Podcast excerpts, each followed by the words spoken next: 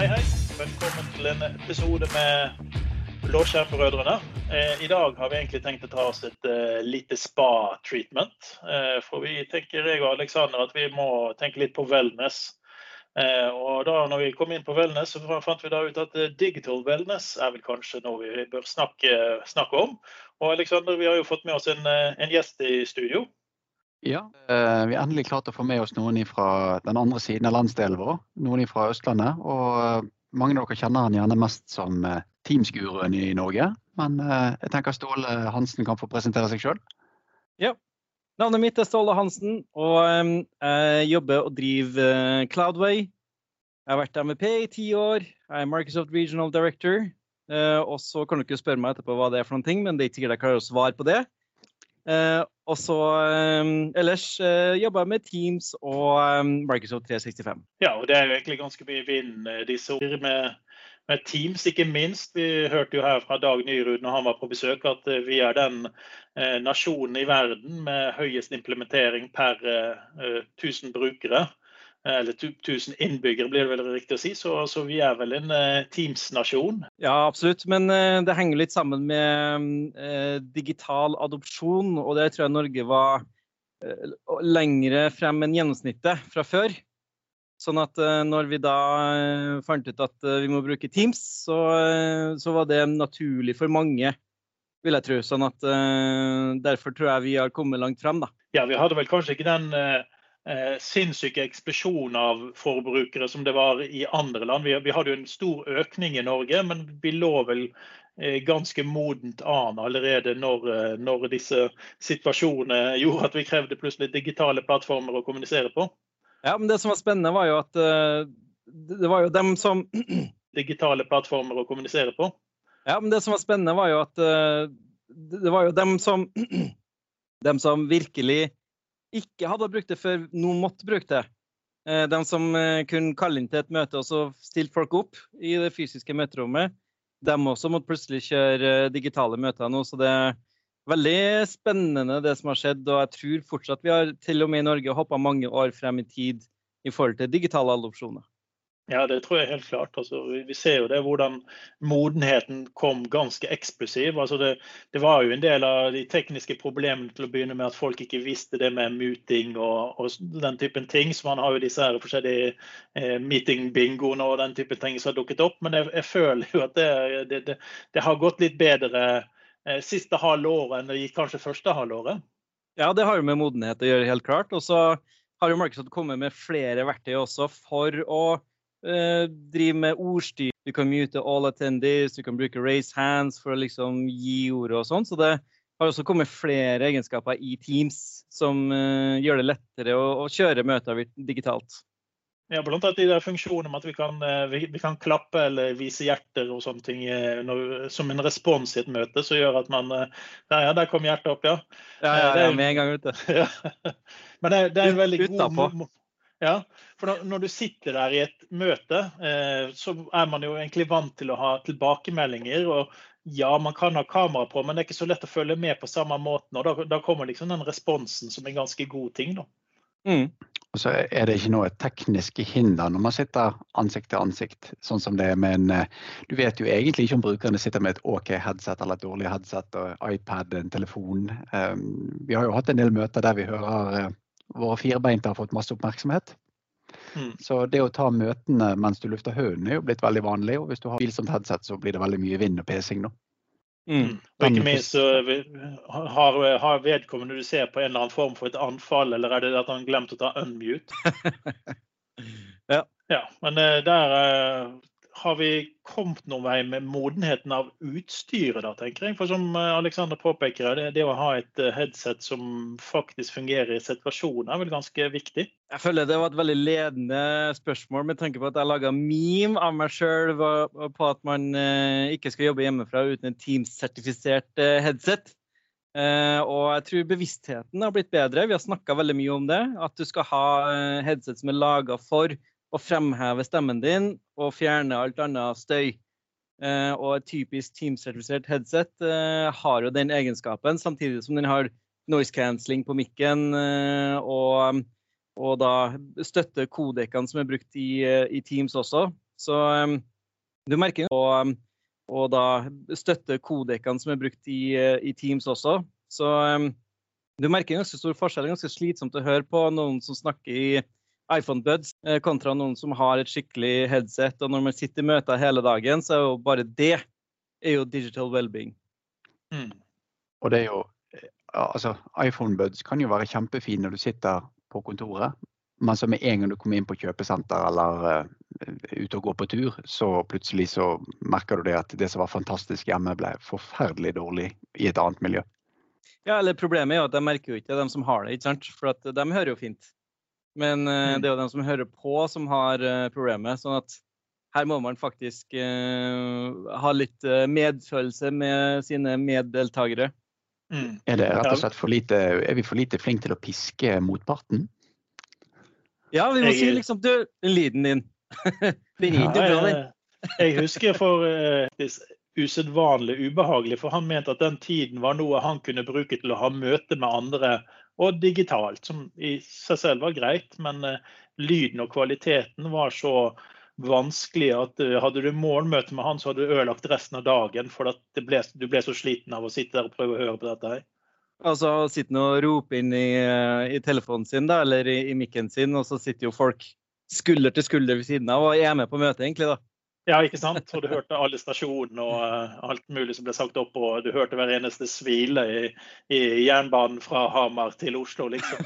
Det kan bli litt slitsomt fikk jo Weird Al Jankovic sin uh, 'Another One Rides the Bus' til å få en helt ny mening.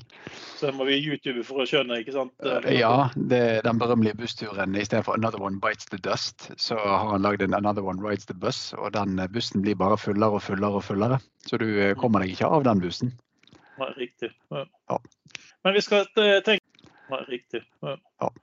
Men vi skal eh, tenke well-being. Eh, Ståle, hva er det du vil snakke med oss om i dag? Nei, altså, eh, Det er jo som du sier, da. Folk har jo fått kasta Teams på seg. Folk har måttet endre vanene sine fra kanskje fysisk til virtuelt og, og digital. Og min påstand da er jo det at det å mestre det å jobbe digitalt, er den skillen du må ha for å lykkes i uh, the 2020s, altså neste tiåret. Jeg tør å påstå det at uh, hvis du ikke mestrer notifications, hvis du ikke mestrer det å distribuere arbeidsmengden utover dagene dine, hvis du ikke mestrer det der med å slå av og på teknologi og, og være både av uh, og logge av og, og på når du skal være på, så tror jeg det vil skje en stor forskjell på dem som mestrer det og ikke mestre det, i måten du samarbeider med dem på. Men også, rett og, men også rett og slett at man worst case kan bli utbrent. Ja, det er vel uh, liten, en liten kjensgjerning det at IT-ansatte IT har et veldig stort arbeidspress. Man får jo ofte høre, eller vi har vel opp gjennom årene fått høre det at uh, du har det jo så rolig og behagelig der du sitter på stolen din foran en skjerm, men uh, vi har jo eksempler på mennesker som sitter på hjemmekontor og sparer bedriften for 200 000 i løpet av en ettermiddag. Ja, ikke sant. Det, det, kan se ut som man har en stille og rolig dag og sitter med kaffekoppen sin der, men eh, det er en, eh, en mentalt belastende eh, arbeidssituasjon som oftest. Og spesielt som du sier, Ståle, hvis man ikke klarer å strukturere dagene sine og ikke klarer å ha kontroll på hva som er on time og off time osv., så, videre, så så blir du fort sliten. Mm. Det er jo, det er en grunn til at bl.a. Magnus Carlsen har personlige fysiske trenere. At du må komme deg i aktivitet og du må ha off-time. For du bruker hodet ganske intenst. Så å strukturere, tank, så å strukturere tanke, tankevirksomheten din er kjempeviktig. Mm. Altså, jeg mener jo det at eh, Vi har jo begrensa antall timer i døgnet. har vi jo funnet. Det er jo, det er jo faktisk forska på eh, og funnet frem til at vi har bare 24 timer i døgnet. Nei. Det, jo, det, det, tror jeg er fake, det er fake news. Nei, det er lite science, faktisk. Ja, jeg, jeg stemte jo på 25-timerspartiet ved forrige stortingsvalg, men det hjalp ikke. Nei. Så også I tillegg så skal vi ha sekstimersdager og, og sånne ting, så vi får faktisk mindre tid eh, å være produktiv og effektiv på. Men eh, så jeg mener jo vi må jobbe smartere og ikke hardere. Det er jo for så vidt en, en floskel det også, ikke sant? At, uh, at vi, vi, må, vi, må, bruke tida vår eh, riktig og smart. Og det tror jeg du får til ved å, å planlegge tida di. Uh, skedulere godt gjennom uka og måneden. Eh, og så er optimalisere produktivitetsrutinene dine. Der har jo jeg Sender eh, i Teams, hvor eh, jeg faktisk lager alt jeg tenker jeg skal gjøre som en task. Eh, og du kan sette på dator og få notification, så du kan kalle inn andre. Så der føler jeg at jeg har fått et godt verktøy som kan eh, hjelpe meg i et annet verktøy som du bruker hver dag og nesten hele tiden. Hvis meg kalles det bok. Ja, en almanakk. Ja.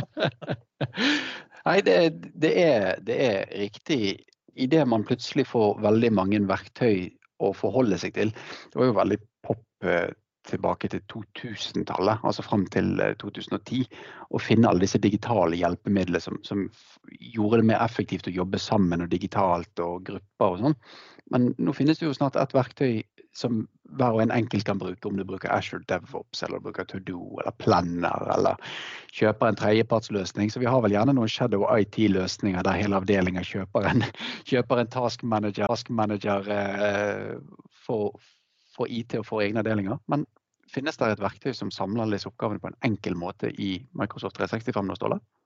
Altså det, I Microsoft 365 så er det jo som du sier, du har Asher DevOps, du har Planner, du har To Do, du har uh, oppgaver i, i, Outlook. Du har uh, til og med Cortana kan lage oppgaver for deg. Uh, du får kanskje mail fra Cortana som lurer på liksom, du, var det her en oppgave fra en mail du har fått. Og, og, um, så, så det oppgaver er overalt. Du kan også gi oppgaver i Office-pakka, ikke sant? At du kan tagge noen i i Word og si liksom Hei, kan du fikse det avsnittet her, eller, eller noe ting. Så de er jo overalt. Eh, mm. men eh, det er sånn faktisk at Microsoft har kobla det her sammen, og det er to eh, produkter som er viktige. Er du ikke klar? Yep. Det aller viktigste produktet for deg som individ, det er Microsoft To Do. Fordi eh, Microsoft To Do bringer nye tasks fra Outlook, eh, fra eh, OneNote og så videre inn i et sted, samtidig som uh, f.eks. flagger du en e-post, så kommer den inn i To Do. Sånn, og Microsoft satser på det. De har til og med laga Graph-API, sånn at du kan lage dine egne connectors. Du har connectors i Flow, som gjør at alle dine personlige tasker de kommer faktisk inn i To Do. Men som gruppe og som eh, team så er det planner. Og litt for ofte så hører jeg faktisk folk som liksom Ja, min personlige planner er det jeg jobber i nå, og lager oppgaver i. Men det er feil. Ikke sant? Fordi Planner er jo Microsoft 365 Groups. Så den lager jo på en måte en uh, mailadresse, en kalender, en SharePoint-site for hver planner du lager som individ. Da, ikke sant? Så det blir jo feil. Du må jobbe med det som, som team. Og det er jo knytta opp mot kanalene dine i Teams, det er knytta opp imot um, de teamene du er en del av. Men så knytta opp imot um, de teamene du er en del av. Men så har du alt som bringer det her sammen, som er Teams. Ikke sant? Og det er egentlig samme om du jobber i To Do, i eh, Teams eller i Planner. For at alle de oppgavene her de, eh, blir, vises i alle de forskjellige tre klientene. Og det gjør jo det at eh, du kan få en oppgave i Planner og, og jobbe med den i, i To Do. Eller uh, lage deg en oppgave i To Do og, og jobbe videre og se den i, i Teams. Men det som er viktig da, er at du må ikke jobbe mot strømmen hvis du tenker digitalt. Uh, og bruke de verktøyene sånn som Microsoft har tenkt dem til. Så da er det to do for individ og planner for um, team. Og så kan du også se dem og jobbe in context i Teams. Så det er egentlig ingen grunn til å gå ut av Microsoft 365 for å finne Shadow IT-løsninger. Det holder mer enn nok med å faktisk bruke de som finnes i Microsoft 365. Ja, og så kan du gjøre det enda gøyere ved å uh, bruke eh, Power Automate uh, og lage dine egne flyter ikke sant, for å lage deg oppgaver. Et eksempel på det er jo for hvis du får en oppgave i Teams, at noen sier hei, kan du fikse det her for meg? Så sier du yes, jeg har lagt det til en oppgave i min to do, så da ligger det i lista mi. Og da kan du lage en, en Power Automate Flow som faktisk, hvor du da kan høyreklikke og, og si at hei, det her skal være en oppgave, og så lager en den som en link og hele pakka. Det er, jo, det er jo faktisk kanskje en av de tingene som vi savner. Å ha hygiene for de tingene som skal skje mest mulig automatisk. For det, jo, det å opprette avtaler, opprette tasker, administrere og forvalte ting du skulle ha gjort, og ha oversikt på disse, kan jo fort ta lengre tid enn å gjennomføre selve tasken i seg selv. Eh, vi vet jo eksempler på, på ERP-systemer der det å håndtere passordresetting eller det å registrere en, en, relativt simpel oppgave tar lengre tid å registrere henvendelsen enn å utføre selve handlingen gjør. Så det er ikke en dum idé, Ståle, å slett helautomatisere task og to do. Nei, det, og det kommer også etter hvert nå at du kan også gjøre det at eh, Microsoft lager den konnektoren for deg for å sende samme oppgave inn i Planner som et team. Da. Så um, det vil komme noe etter hvert i, i desktop-klienten, at du får den muligheten ut av uh, boksen i klienten. De annonserte i um, juletider. Så Microsoft tenker på det her sjøl. Vi skal slippe å ja, mulig hvis du, hvis du er litt uh, early adopter og litt sånt, at du må lage dine litt egne flyter. Men uh, Microsoft tenker også på det her. Hvordan kan vi hjelpe folk å få en smartere hverdag? For Der kommer det også fort inn til at uh, mange har jo gjerne et system i dag hvor de får inn helpdesk-saker. Uh, og Da blir det tungvint hvis du skal forholde deg til to systemer. Så hvis du kan med hjelp av noen API-er få på plass en innhentning av dine oppgaver inn i, i Planner, Eh, så vil du få gode nok API-er. og Ikke minst hvis Microsoft kan komme med connector på det mest vanlige, så kan du faktisk løse saken i Planner, og han blir løst i helpdesk-verktøyet mm. ditt. Ja, og det kommer litt an på hva, hvilket system selvfølgelig som er ticketing-systemet ditt. da. Men de fleste har jo åpne API-er. Vi kan bruke Power Automate og Logic Apps og andre ting, og bruke Graph API osv. til å automatisere sånne prosesser. Et eksempel på det er jo um, uh, Jeg har en eh, liste i uh, Lists, altså Microsoft Lists, hvor du, når du endrer et element i den lista og assigner det til en konsulent, og det har status go osv., da blir det oppretta en planner-oppgave for det. Og da bruker du egentlig bare en vanlig connector for å gjøre det. Sånn at da får konsulenten oppgaven, men ikke før det er assigna og at den er go osv. Og oppdaterer du i lista statusen, så blir den også oppdatert i Planner. For det vi har sett da, litt for ofte, er at, sett, da, for ofte, er at team og, og um, organisasjoner liksom har starta med Planner. Ja, la oss lage alle oppgavene vi kan komme på i Planner. Og så går det et halvår, så det ikke skjedd noen ting på dem. altså De blir ikke oppdatert osv. Og, så videre, og du får egentlig litt information overload. da. Så man bør også på en måte begrense hvor mange oppgaver man lager, og heller prøve å lage de reelle oppgavene, sånn at folk ikke får den overloaden med oppgaver. Og da heller kombinere det med lists. Det jeg har sett som har vært en uh, litt farlig funksjon, da, det, det, er det at jeg har sett at på, i noen av teamsene våre hvor vi har laget planer, uh, så kommer det inn en annen person og så sletter han, og så får du ikke tilbake igjen, for det er jo ikke noe søppelbøtt på, på en planner aktivitet eh, per dags dato, i hvert fall. Så vi har faktisk hatt tilfeller hvor vi har laget en god task med flere subkategorier som skal gjøres, og så finner vi den ikke igjen. Og da er det en som tenker at nei, nå har jeg løst den, og så har de slettet den. Finner vi den ikke igjen, og da er det en som tenker at nei, nå har jeg løst den, og så har de slettet den. Mm. Ja, og så er det ikke noe recycle bin for å hente ut igjen det noen har vært for flink til å slette på. Ja, og Da kan du tenke deg ja, men da bruker vi list i stedet, for hvert element der har jo 500 versjoner, du kan rulle tilbake hvert element og sånn. Mm. Men LIST er ikke et oppgavesystem, ikke sant? Det er et avansert Excel-ark. Mm. Ikke sant?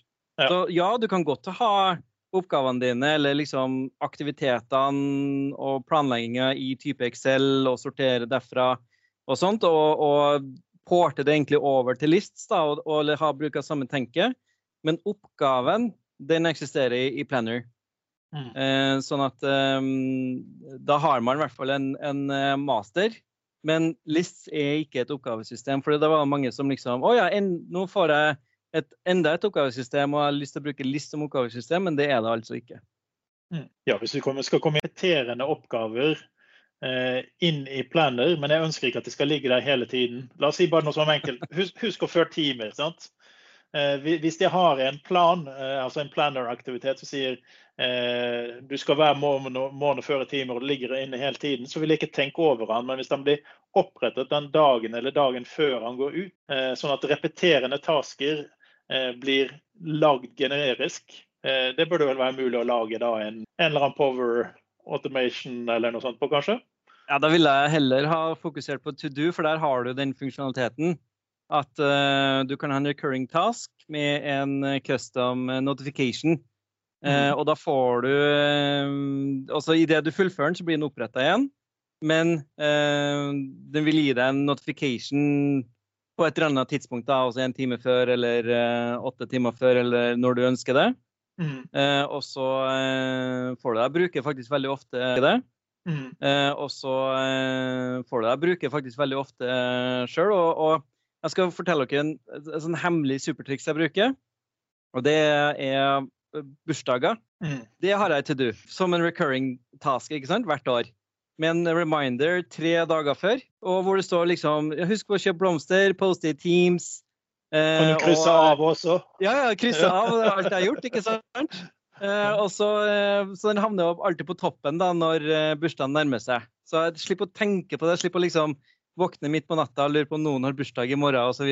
Det som blir fint her, er jo hvis man kan helautomatisere dette videre ut, sånn at man til slutt har muligheten til å automatisk kontakte blomsterhandler og bare gjøre alt for deg. Da, sånn at du alt etter tre dager før så hører du bare pling fra kredittkortet ditt at nå er, du er belastet og alt er ordnet. Ja, ja, nei, ikke noe problem å, å automatisere det å sende en uh, en mail med bestilling osv. Så, videre, så det er fullt mulig hilsen og sånn, men du kan jo selvfølgelig automatisere den og randomise den. og det, Alt er mulig, da. Det er det som er greia. Eh, hvis du bruker Power Automate. Det er, liksom, det er bare fantasien din som stopper deg, faktisk. Og du har ganske bra fantasi, Aleksander. Ja, svarageneratoren.no har blitt, eh, blitt brukt ofte. Men jeg, men jeg, vil fortsatt hatt det i planer. for at Én eh, ting er personlige oppgaver, men andre er ting hvis du har sånne rutineoppgaver. som, som hver, hvert kvartal så skal du fornye sertifikatene sånn eller sånn, eller den type ting som du vil at en avdeling skal ha. da, Som planner er mer, mer ting av hvor du tildeler det til en avdeling eller en, en gruppe. Mm. Så fortsatt ville jeg ønsket at den uh, funksjonen hadde kommet opp i Planner. Men til uh, To Do der var det et godt poeng å sørge for at jeg husker å levere inn timelistene mine. Ja, ja, men uh, du driver jo ikke 40 timer lenger, uh, Olav? Ja, bare når det er overtid, vet du. yes. Nei, det er to gode, to gode, verktøy og ikke minst uh, litt forskjellig. To gode, to gode, verktøy og ikke minst litt forskjellige bruksområder som man skal være klar over. Ja, Men det vi vet alle sammen, er jo det at det er superflott med verktøy. Og du må, du må være forelska i verktøyene, men det hjelper ikke hvis du ikke har struktur og rutine rundt det hjelper ikke å ha 1000 oppgaver i, i Planner eller 500 eh, oppgaver i eh, To Do hvis du ikke prosesserer, organiserer dem og prioriterer dem. Sånn at eh, det, altså det, Og det, det jeg ser da, litt for ofte, er at folk setter ikke av tid til å prosessere oppgavene sine. Uansett hvor de er. Det her har ingenting med Microsoft 365 å gjøre, det har med livet ditt å gjøre, egentlig. Eh, at du setter av tid til å reflektere over eh, hvilke oppgaver, hva skal jeg gjøre neste uke.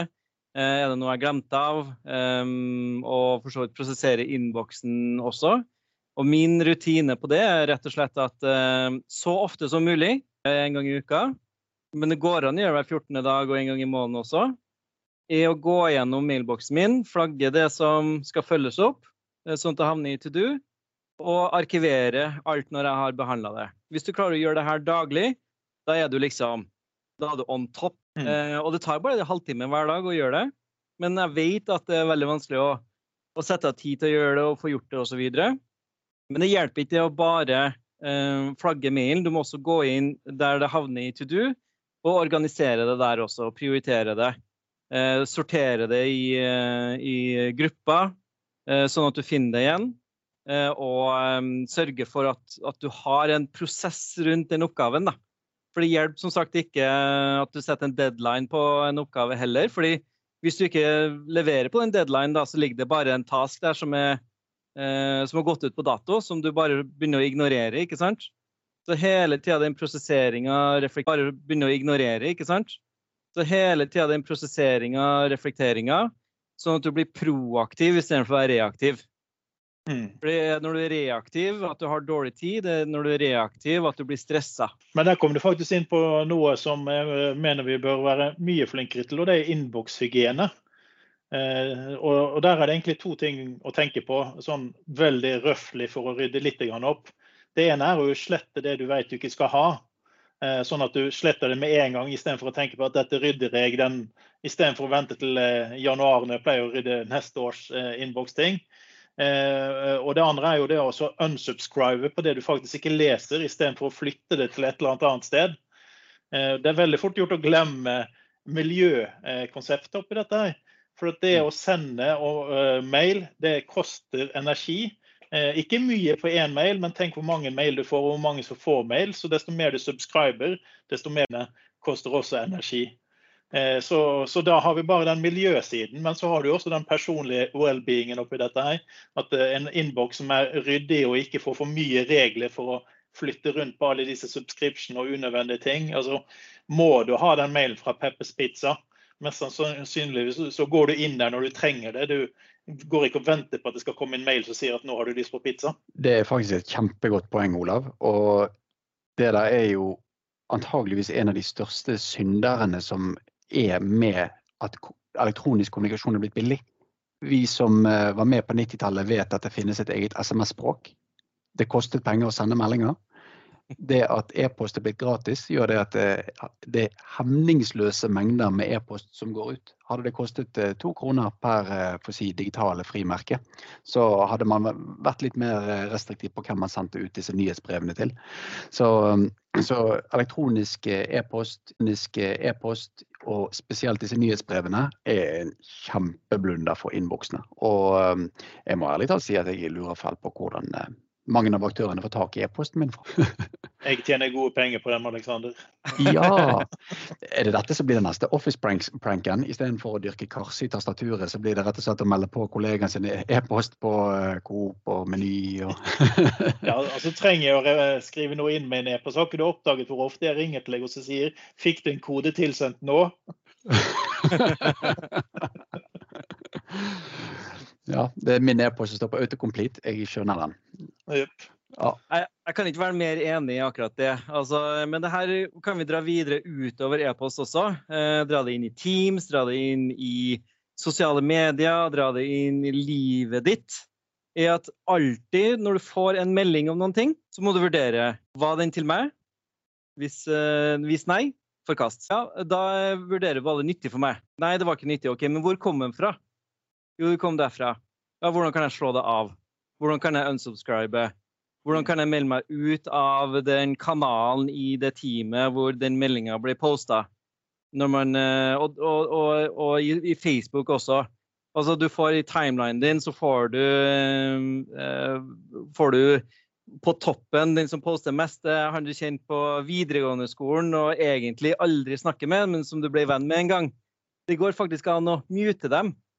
Sånn at, ikke, mm. sånn at, du får mer nyttig informasjon i, i lista di. Og det, det her er essensen da, av digital kompetanse. er å faktisk fjerne den støyen. Fjerne, vel... altså Få bort alle de der meldingene som ikke betyr noen ting for deg. For information overload har vel aldri vært mer aktuelt enn det er i disse dager. Nei, og så kommer det fra så mange kanaler. Altså før snaler. altså før så var det sånn at du måtte vente til klokken åtte neste morgen for å plage en kollega. I dag det er ubegrenset antall muligheter. Og hvis du mot formodning ikke klarte å få tak i personen på e-post, Teams, eh, Messenger, Facebook, Jammer, Twitter, LinkedIn altså Jeg trenger ikke fortsette denne, jeg må ha banjo til denne storyen. For, eh, for det der er jo en sang. Mm. Så det er jo enormt mange plattformer, og e-post er jo kun én av dem. Så det å ha, ha synkronisert stillemodus er jo en av de tingene jeg setter mest pris på i Windows det å ha quiet mode. Sånn at alle disse tingene her blir stille. Ja, for jeg har jo eh, hørt om folk som forlater Facebook. Eh, mange grunner til det, selvfølgelig, men noen eh, sier jo det at det er bare søppel der, det er bare støy.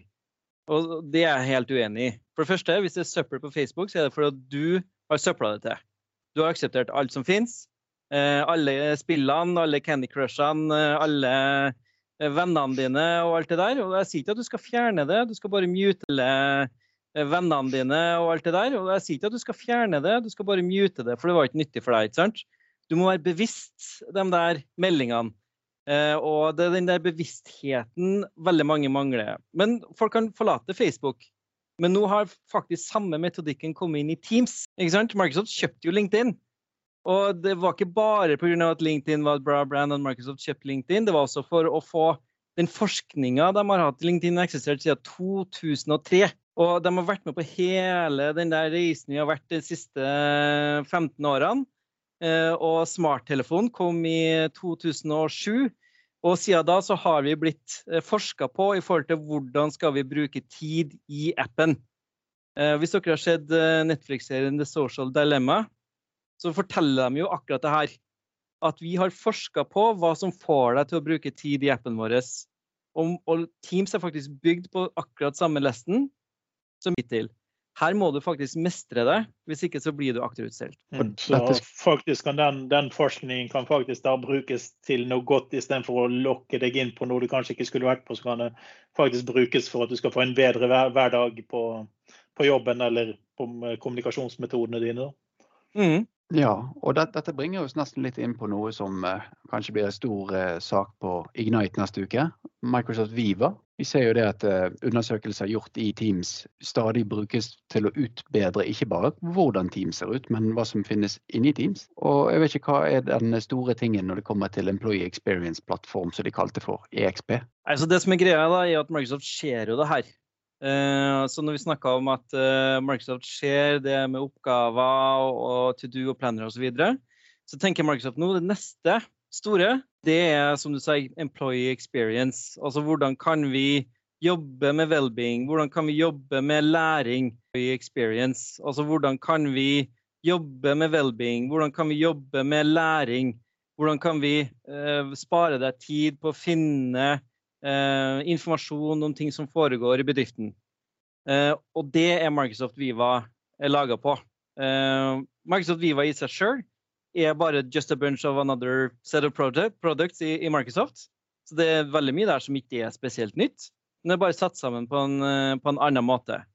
Den jeg syns er kanskje gøyest å snakke om, er jo den productivity and well-being som er basert på My Analytics eh, og Workplace Analytics. Og, så ingen av dem er noe nytt, men det er satt sammen på en litt annen måte. Og så er det selvfølgelig neste versjon av det. Hvor eh, du da får innsikt i hvordan du sjøl jobber, hvordan du jobber som team, og hvordan organisasjonen jobber. Hvor du kan bruke data for å jobbe smartere. Men du kan også bruke data for å se om det er ukultur i bedriften. Uh, til recaps, som vi snakka om tidligere. Eh, og at det blir kanskje mer kultur rett og slett for å um, tenke litt på um, å jobbe smartere, rett og slett. Og sette av tid til å sortere tankene sine, sette av tid til å lære, da. Mm, for Det har du jo sett litt på disse e-postene du har fått. Man blir jo litt overrasket at systemet sier at nå har du vært flink, for du har ikke hatt møter hele dagen. Eh, så, så, det er liksom sånn eh, man, man, tenker jo at det er feil, men, men, eh, det er jo som du sier, det er jo den tiden til andre ting. Så. Og det, det, er jo gjort veldig mye studier rundt, rundt, disse tingene i andre settinger. Da. En av de er dette temaet som, som jeg syns er veldig spennende, og det er positiv psykologi. Det er å reflektere over tre positive ting som har skjedd den dagen i dag, gir deg en bedre hverdag. Og hvis du gjør det samme med eh, strukturering av innboksen din, du strukturerer hva du faktisk har fått gjort og hva du skal planlegge neste dag, så får du mye mer klarhet istedenfor at alt er et levende kaos. Ja, og så finnes... fått gjort og hva du skal planlegge neste dag, så får du mye mer klarhet istedenfor at alt er et levende kaos. Ja, og så finnes det, og det her er jo på en måte det produktivitetsmetodikkene har snakka om kjempelenge. Det er bare det at du liksom Du har ikke hatt verktøyene til å gjøre det digitalt eller osv. Altså det, er mange grunner til at man ikke bruker en form for produktivitetsmetodikk. da. Men det her i hvert fall hjelper deg å sette data på det. Og kanskje en av de viktigste eh, målingene, i hvert fall i My Analytics, som en del av Viva Insights, som en app du faktisk kan legge til i Teams allerede i dag, det er at han forteller deg om du var offline i helga. Mm, veldig bra. Eh, jeg tenker Nå begynner vi å nærme oss eh, slutten på tiden vår her. Eh, men skulle vi tatt noen sånne kjappe oppsummeringstips, Ståle, om hva er de beste tingene for å komme i gang med spa-behandlingen din? Nei, altså det som jeg sa, må, du må få oversikt over oppgavene dine, og så spre dem og planlegge dem ut. For hvis du ikke, hvis du ikke setter av tid i kalenderen din, eksempel gjør en, en daglig review eller ukentlig review, så blir det aldri gjort. Jeg mener at å, For å senke stressnivået, så er det det at ja, jeg vet jeg har planlagt å gjøre det, så da slipper jeg å tenke på det hele tida. Det er kanskje det aller viktigste. Og det er faktisk ikke en, ikke en teknologiråd engang, men vi kan bruke teknologien til å gjøre det smartere. Hmm. Struktur egentlig og oversikt. Godt råd. Ja. Og litt av grunnen da, bare for å, for å sagt det, at jeg er så opptatt av det her, er jo for at jeg er jo skada sjøl. Jeg må jo virkelig tenke på det her. Mange har jo det her naturlig. Men, mm. men jeg er jo, jeg er jo skada med gullfisk i, i, hånda med mobilen som minner meg på liksom, Hei, du, nå skulle du vært på Twitter og LinkedIn og, og Teams osv. Så, videre. så jeg kan sitte der hele dager og ikke gjøre noen ting som helst. Derfor så må jeg være superbevisst på det her. og det er jo de metodikkene her som faktisk funker, eh, mener jeg, da. Og du da, Aleksander, hva er ditt beste tips? Eh, eh, mener jeg, da. Og du da, Aleksander, hva er ditt beste tips for spa-opplevelsen? Jeg eh, følger faktisk litt opp på, på dette med Ståle. da. Det, det, er, en, det er en morsom, eh, altså morsom sagn om dette med å ri opp sengen sin. Eh, hvis du begynner hver dag med å gjøre noe, komme i gang og, og gjøre ting til rutine, så, så, får du ting gjort og du får en bedre hverdag. Men den viktigste tingen med å gjøre ting til en rutine, er det at til slutt så koster det deg ingenting å gjøre det. Så prøv å få noen til å gjøre noe for første gang så vil det være et ork. Men når det er innarbeidet som en rutine, så er det helt greit. Så rutiner er overraskende viktig, også i den digitale hverdagen. Så det å bruke skift piltast opp eller kontroll A i, i outlooken din, og så etterpå trykke på delete, er overraskende nyttig. Eh, sånn at du sletter all e-posten som kommer inn når du er ferdig med å svare på det. For du trenger den mest sannsynligvis ikke etter at du har svart på dem. Litt e-posthygiene, og ikke minst det å kanskje det å ha oppgaver i planer av før lunsj, altså en eller annen oppgave du får krysset av før lunsj, kan gi en tilfredsstillelse. Så kanskje lage oppgaver på litt mindre ting enn det du tenker. For veldig ofte tenker vi at en oppgave skal være et prosjekt. Eh, men hvis vi lager en oppgave på husk at du skulle ha gjort det, du skulle gjort det og gjort det, og vi kan da krysse av de tre tingene før lunsj, så føler du at du faktisk fortjener det knekkebrød med, med leverpostei. ikke sant? Ja, og Hva er ditt beste tips, da, Olav? Jeg er jo mest nysgjerrig på det for eh, en som jobber i bank. Hva er det beste tipset for well-being der? Nei, Jeg vil si at uh, i en bank så er fortsatt e-post så viktig at det var nok det jeg sa med å sørge for at du unsubscriber unødvendig, sånn at e-postene dine er overkommelige. For ellers så gir du opp Altså jeg, jeg, føler nesten at jeg har sluttet i jobber bare pga. at e-posten min har blitt så stor at jeg ikke orker å rydde i den. Så får vi jobbe et annet sted. Det er så deilig når det bare står ti uleste e-post. Det er jo ingenting som er mer behagelig enn kun ti uleste. Men når det kommer 10 000 ut, begynner det å bli litt ubehagelig. Ja, så det, det, gjør litt hver dag istedenfor det skippertaket med å bytte jobb. Eh, altså da Eh, ordet her. Mm. Yes, jeg lærte meg unsubscribe, og etter det så kan jeg faktisk beholde samme jobb ganske lenge. Ah, okay. ja, da vil jeg si tusen takk for eh, denne gangen, Ståle. Kanskje vi kan eh, ta oss en liten oppsummering litt etter Ignite, og så se om det dukket opp noe enda mer spa-opplevelse for oss? Ja, det er helt utrolig mye som kommer fremover. Så det her er bare starten. Jeg